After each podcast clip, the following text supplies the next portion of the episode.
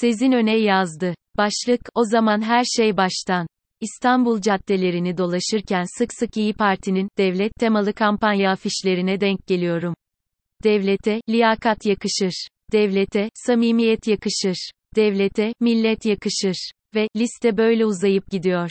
Benim de içinde bulunduğum kimi derinlemesine araştırmalarda, liyakat, samimiyet, adalet ve daha nice kilit kelime ön plana çıkıyordu. İyi Parti, bu kilit kelimeleri sadece, geniş bir metafor olarak değil, doğrudan seçmenin belleğine kazınıp, kilidi çözecek, nokta atışları olarak kullanıyor.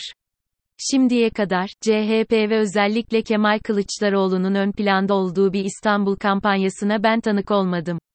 Tesadüfen denk geldiğim Kemal Kılıçdaroğlu kampanyası afişlerinde ise şunları gözledim. Sıradan, çok da enerjik veya dinamik olmayan bir Kılıçdaroğlu profili ve afişi boğan uzun cümleler net, kısa ve vurucu bir mesaj değil. Kelimeler silsilesi. Örneğin, aile sigortası sağlamakla ilgili uzun bir mesaj, tesadüfen denk gelenin, etkilenmesi veya herhangi bir duygu, hissetmesi mümkün değil.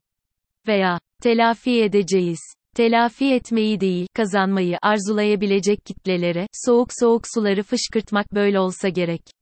Mesele, kazanmak ve tabii ki, kaybettiğini kazanmaya şükredip, telafi etmeye şükretmek değil.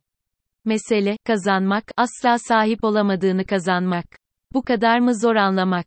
Devlet olmak veya olmamak. İronik biçimde, devlet imgesi, farklı biçimlerde en sahip çıkılan ana muhalefet meselesi. Muhakkak ki, bazı, devlet insanları, kurumların yöneticileri, bürokratlar, savunma ve askeri üretimde güç sahibi siviller de, devlet, devlet, insanlardan oluşuyor seçime giderken de, hangi insanlar konusu çok kritik. Kimler o devlete, sahip oluyor, ve kimler o, devletten, dışlanıyor. Asıl tartışma ve konu devletin sahipliği.